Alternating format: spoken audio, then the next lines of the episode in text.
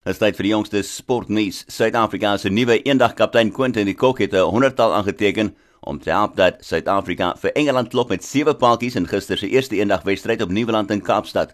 De Kock het 107 aangeteken en Themba Bavuma 98, maar die gasheere wat verby Engeland se totaal van 258 vir 8 is met 14 balle oor. Dit beteken dat die gasheere nou 'n vroeë voorsprong het in die 3 wedstrydreeks.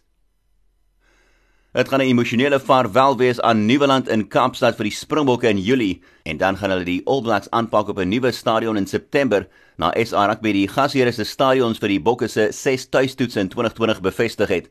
Suid-Afrika gaan die 4de Julie speel teen Skotland op Nieuweland in Kaapstad. Dan gaan hulle die 11de vir Skotland aanpak op Kings Park in Durban en die 18de Julie speel hulle teen Georgië op die Nelson Mandela Bay Stadion in Port Elizabeth. In die rugby kampioenskap gaan Suid-Afrika vir Argentinië aanpak die 8de Augustus op Ellis Park in Johannesburg.